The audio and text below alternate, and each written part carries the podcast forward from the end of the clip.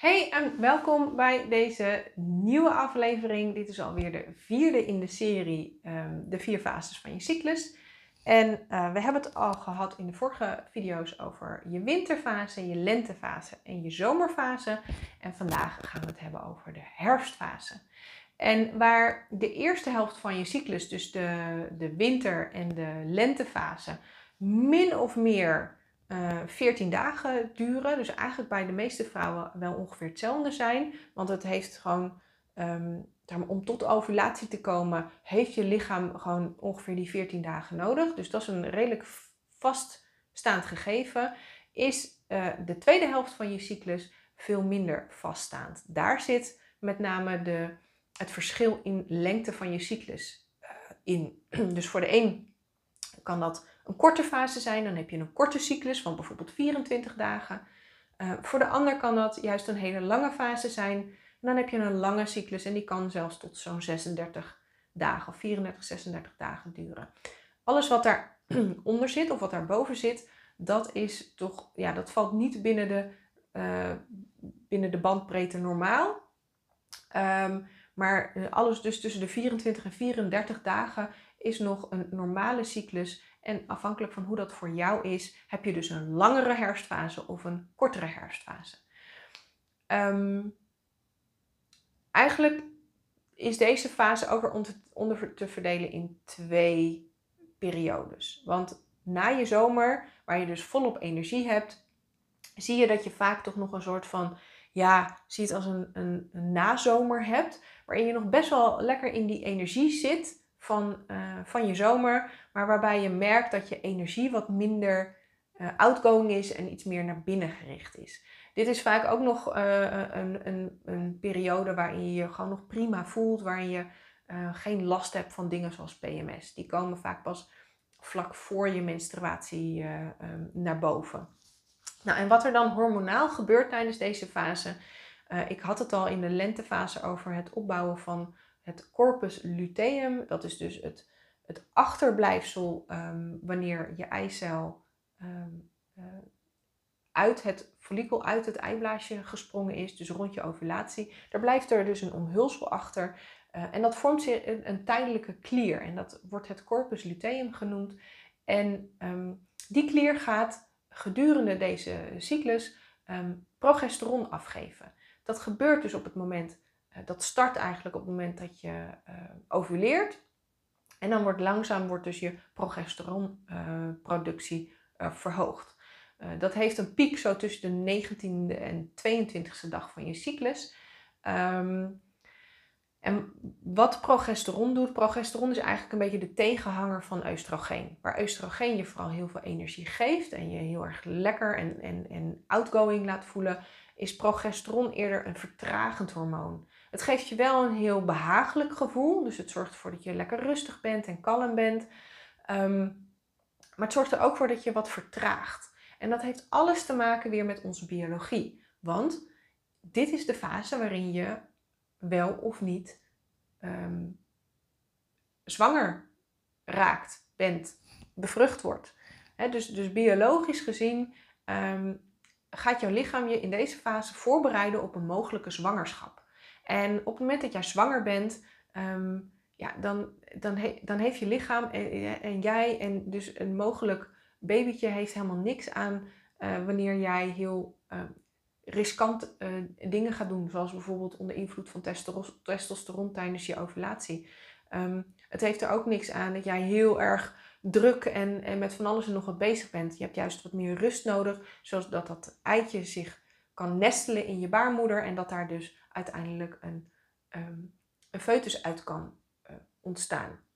Dus wat progesteron doet, progesteron vertraagt, zorgt ervoor dat jij uh, je wat dat betreft ook voor gaat bereiden en je hele lichaam zich voor gaat bereiden op een mogelijke zwangerschap.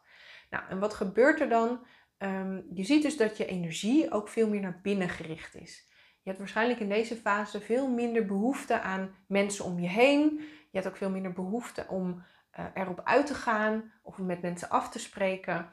En uh, dat, dat is dus allemaal onder invloed van dat hormoon progesteron. Dit is ook een fase waarin je ehm, misschien veel kritischer kunt zijn. ehm, naar jezelf, maar ook naar je omgeving. Het is ook een fase waarin je makkelijker kunt reflecteren op wat er is geweest. Uh, dus het is ook wel een hele mooie fase. Alleen waar het vaak misgaat, is dat we ook in deze fase verwachten dat we eigenlijk in dezelfde energie en, en, en in dezelfde mode zitten als tijdens onze lente en zomer. En daar gaat het dus wringen, want ehm, ja, de energie is gewoon anders.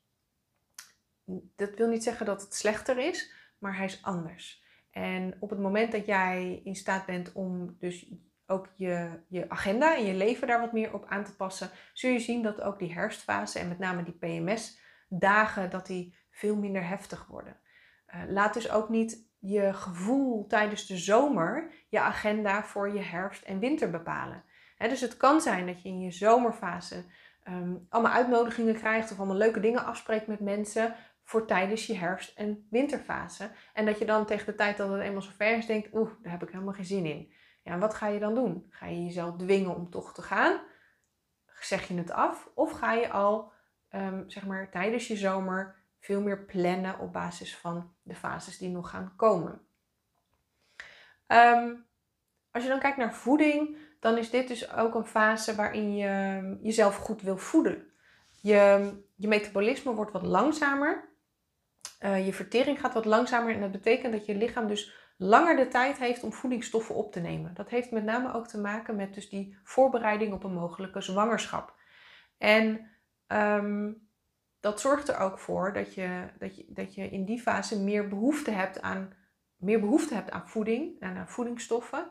Uh, dat is ook de reden waarom bijvoorbeeld veel vrouwen tijdens deze fase last hebben van eetbuien. Of dat ze, min, ja, dat ze meer willen eten, maar dat eigenlijk niet doen. En daarmee ga je dus ook weer tegen je eigen biologie in. En um, je weet dus inmiddels, als je ook de andere video's hebt gezien, dat er fases zijn waarin je meer behoefte hebt aan voeding. Ehm, en dat er ook fases zijn waarin die behoefte wat lager ligt. Uiteindelijk is dat een soort balans. Dus sommige is wat meer, andere is wat minder. En gemiddeld kom je ongeveer in het midden uit. Dus het is helemaal niet erg als je in deze fase wat meer eet. Maar het gaat er wel om wat je dan eet. Um, dit is namelijk een fase waarin je dus ook echt die voedingsstoffen nodig hebt.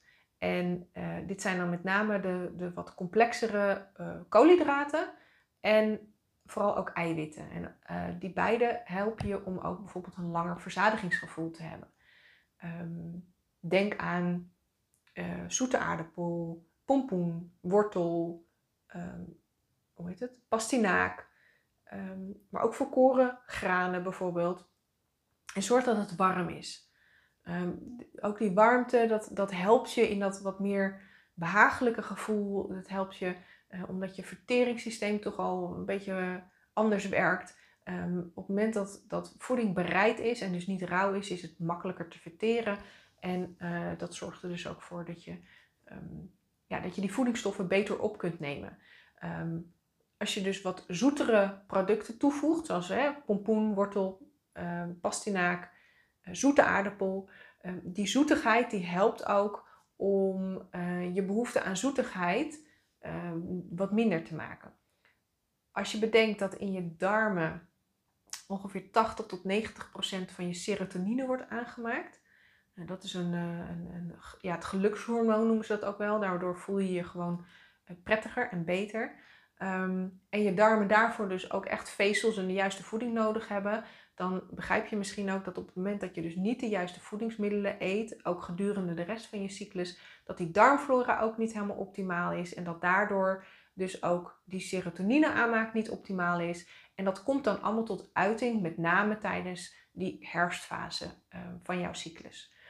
Dus um, waar het in principe goed is om natuurlijk de hele cyclus uh, gewoon goed voor jezelf te zorgen, komt dat vooral in deze fase um, naar voren. En dat betekent ook dat je bijvoorbeeld uh, in deze fase gewoon minder afspraken plant, meer tijd voor jezelf inplant, um, het wat rustiger aandoet, misschien vroeger naar bed gaat. Uh, al die dingen om, om gewoon ja, je lichaam meer te kunnen geven van wat je ook echt nodig hebt. Nou, en als je dan kijkt naar sporten, um, dan is dit dus ook niet de fase om, uh, om echt high intensity trainingen te gaan doen of heel veel cardio trainingen te gaan doen. Dit is juist het moment om ehm, krachttraining te gaan doen. En ehm, minder cardio. Dus waar je in je zomer nog wel echt, zeg maar, van die wat meer uithoudingsvermogen, uithoudingsvermogen training kunnen doen. Dus als HIT en um, crossfit en zo. Hè, daar, daar, daar zit nog best wel wat cardio in. Ehm, heb je in je herfst veel meer echt het statische. Dus echt gewicht heffen, power yoga, body pump. en, en, veel minder die cardio oefeningen. Want dat zorgt er ook weer voor dat je cortisol, waar je in deze fase gevoeliger voor bent, dat die sneller naar boven komt. En cortisol zorgt er weer voor dat je hormonen uit balans kunnen raken. Maar die kan ook bijvoorbeeld een rol spelen in gewichtstoename. Dus qua sport eerder statisch en meer op kracht en minder cardio.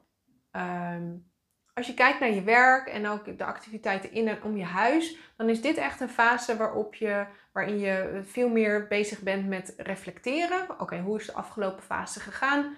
Waar, ehm, waar wil ik nog mee doorgaan? Wat, wat wil ik loslaten? Ehm, maar het is ook veel meer van de details. Dus je bent in deze fase ook vanwege die kritische blik die je eigenlijk hebt, ben je veel beter in staat om, uh, om je te richten op detailwerkzaamheden. Denk aan het afronden van projecten. Dus waar je ze in je lente juist opstart, is dit een heel moment om ze af te ronden. Uh, maar ook bijvoorbeeld je administratie doen. en als je dan kijkt naar je huis, dan is het bijvoorbeeld ook opruimen, schoonmaken. Allemaal dat soort klusjes.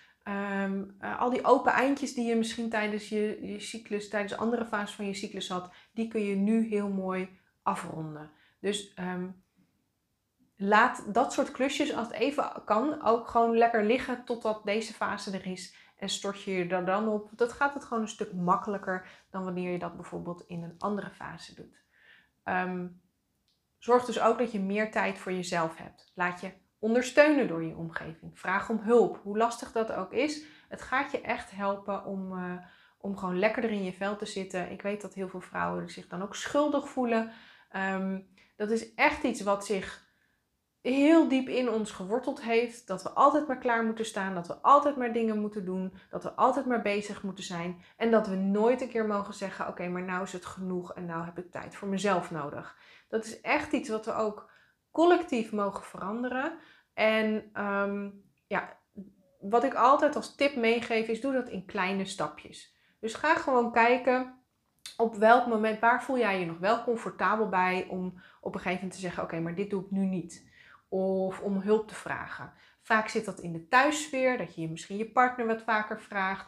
Of um, als ik naar mezelf kijk, dan is dit bijvoorbeeld ook de fase waarin ik mijn zoon vaker even een nachtje uit laat logeren bij opa of oma. Um, of waar ik um, bijvoorbeeld vraag van, hey, vind je het goed als we uh, komen eten? Of, nou, weet je, dat soort dingen. En dan kun je zeggen, ja, maar dan ben je iemand tot last ik zei het al eerder in, uh, in, in een van de video's. Uh, als mens vinden we het graag fijn om elkaar te helpen. Laat andere mensen jou dus ook helpen. En uiteindelijk is het ook de verantwoordelijkheid van een ander om te zeggen: ja, dat wil ik wel of nee, dat wil ik niet. Ik zeg het er ook altijd bij. Als het niet uitkomt, moet je het ook zeggen. Dan regel ik wat anders. Maar uiteindelijk is het niet mijn verantwoordelijkheid en ook niet jouw verantwoordelijkheid om te beslissen voor anderen. Laat dat lekker bij hun. Dat maakt het ook voor jezelf weer makkelijker. Um, dus ga echt kijken hoe je hier meer tijd voor jezelf kan vrijmaken. Ik ga bijvoorbeeld ook vroeger naar bed in deze, in deze fase. Um, ik maak minder externe afspraken. Um, misschien dat je zelf ook zegt, nou, ik wil eerder naar bed inderdaad. Of Um, ik ga lekker een keertje, me, uh, ik neem een vrije dag bijvoorbeeld. Of ik laat me masseren. Kijk naar mogelijkheden die je hebt om uh, jezelf gewoon wat meer te geven van dat wat je nodig hebt. Vooral tijdens deze fase. Want dat kan je helpen om die PMS-klachten um, echt een stuk minder heftig te maken. Nou, dit was de herfst. Um, ik denk dat de herfst een van de meer complexere fases is van je cyclus, omdat daar eigenlijk bijna alles beetje een soort van samenkomt. Dus ik kan me ook voorstellen dat je na deze video uh, of na deze hele videoreeks uh, toch nog vragen hebt. Ehm, ik vind het altijd hartstikke leuk om, eh, om in, in contact te komen met andere vrouwen, om vragen te beantwoorden. Dus stuur me vooral dan even een berichtje. De gegevens vind je onder deze aflevering. En uh, je kan me natuurlijk ook volgen op Instagram onder Ellen underscore Danen, waar ik heel veel leuke tips en inzichten geef. Uh, maar ook via die weg kan je me een berichtje sturen. Ik ben heel benieuwd wat je van, van deze aflevering vond, maar ook van de hele serie als je me hebt gekeken. Laat me dat ook weten. En voor nu zou ik willen zeggen, dankjewel dat je erbij was. En tot de volgende keer.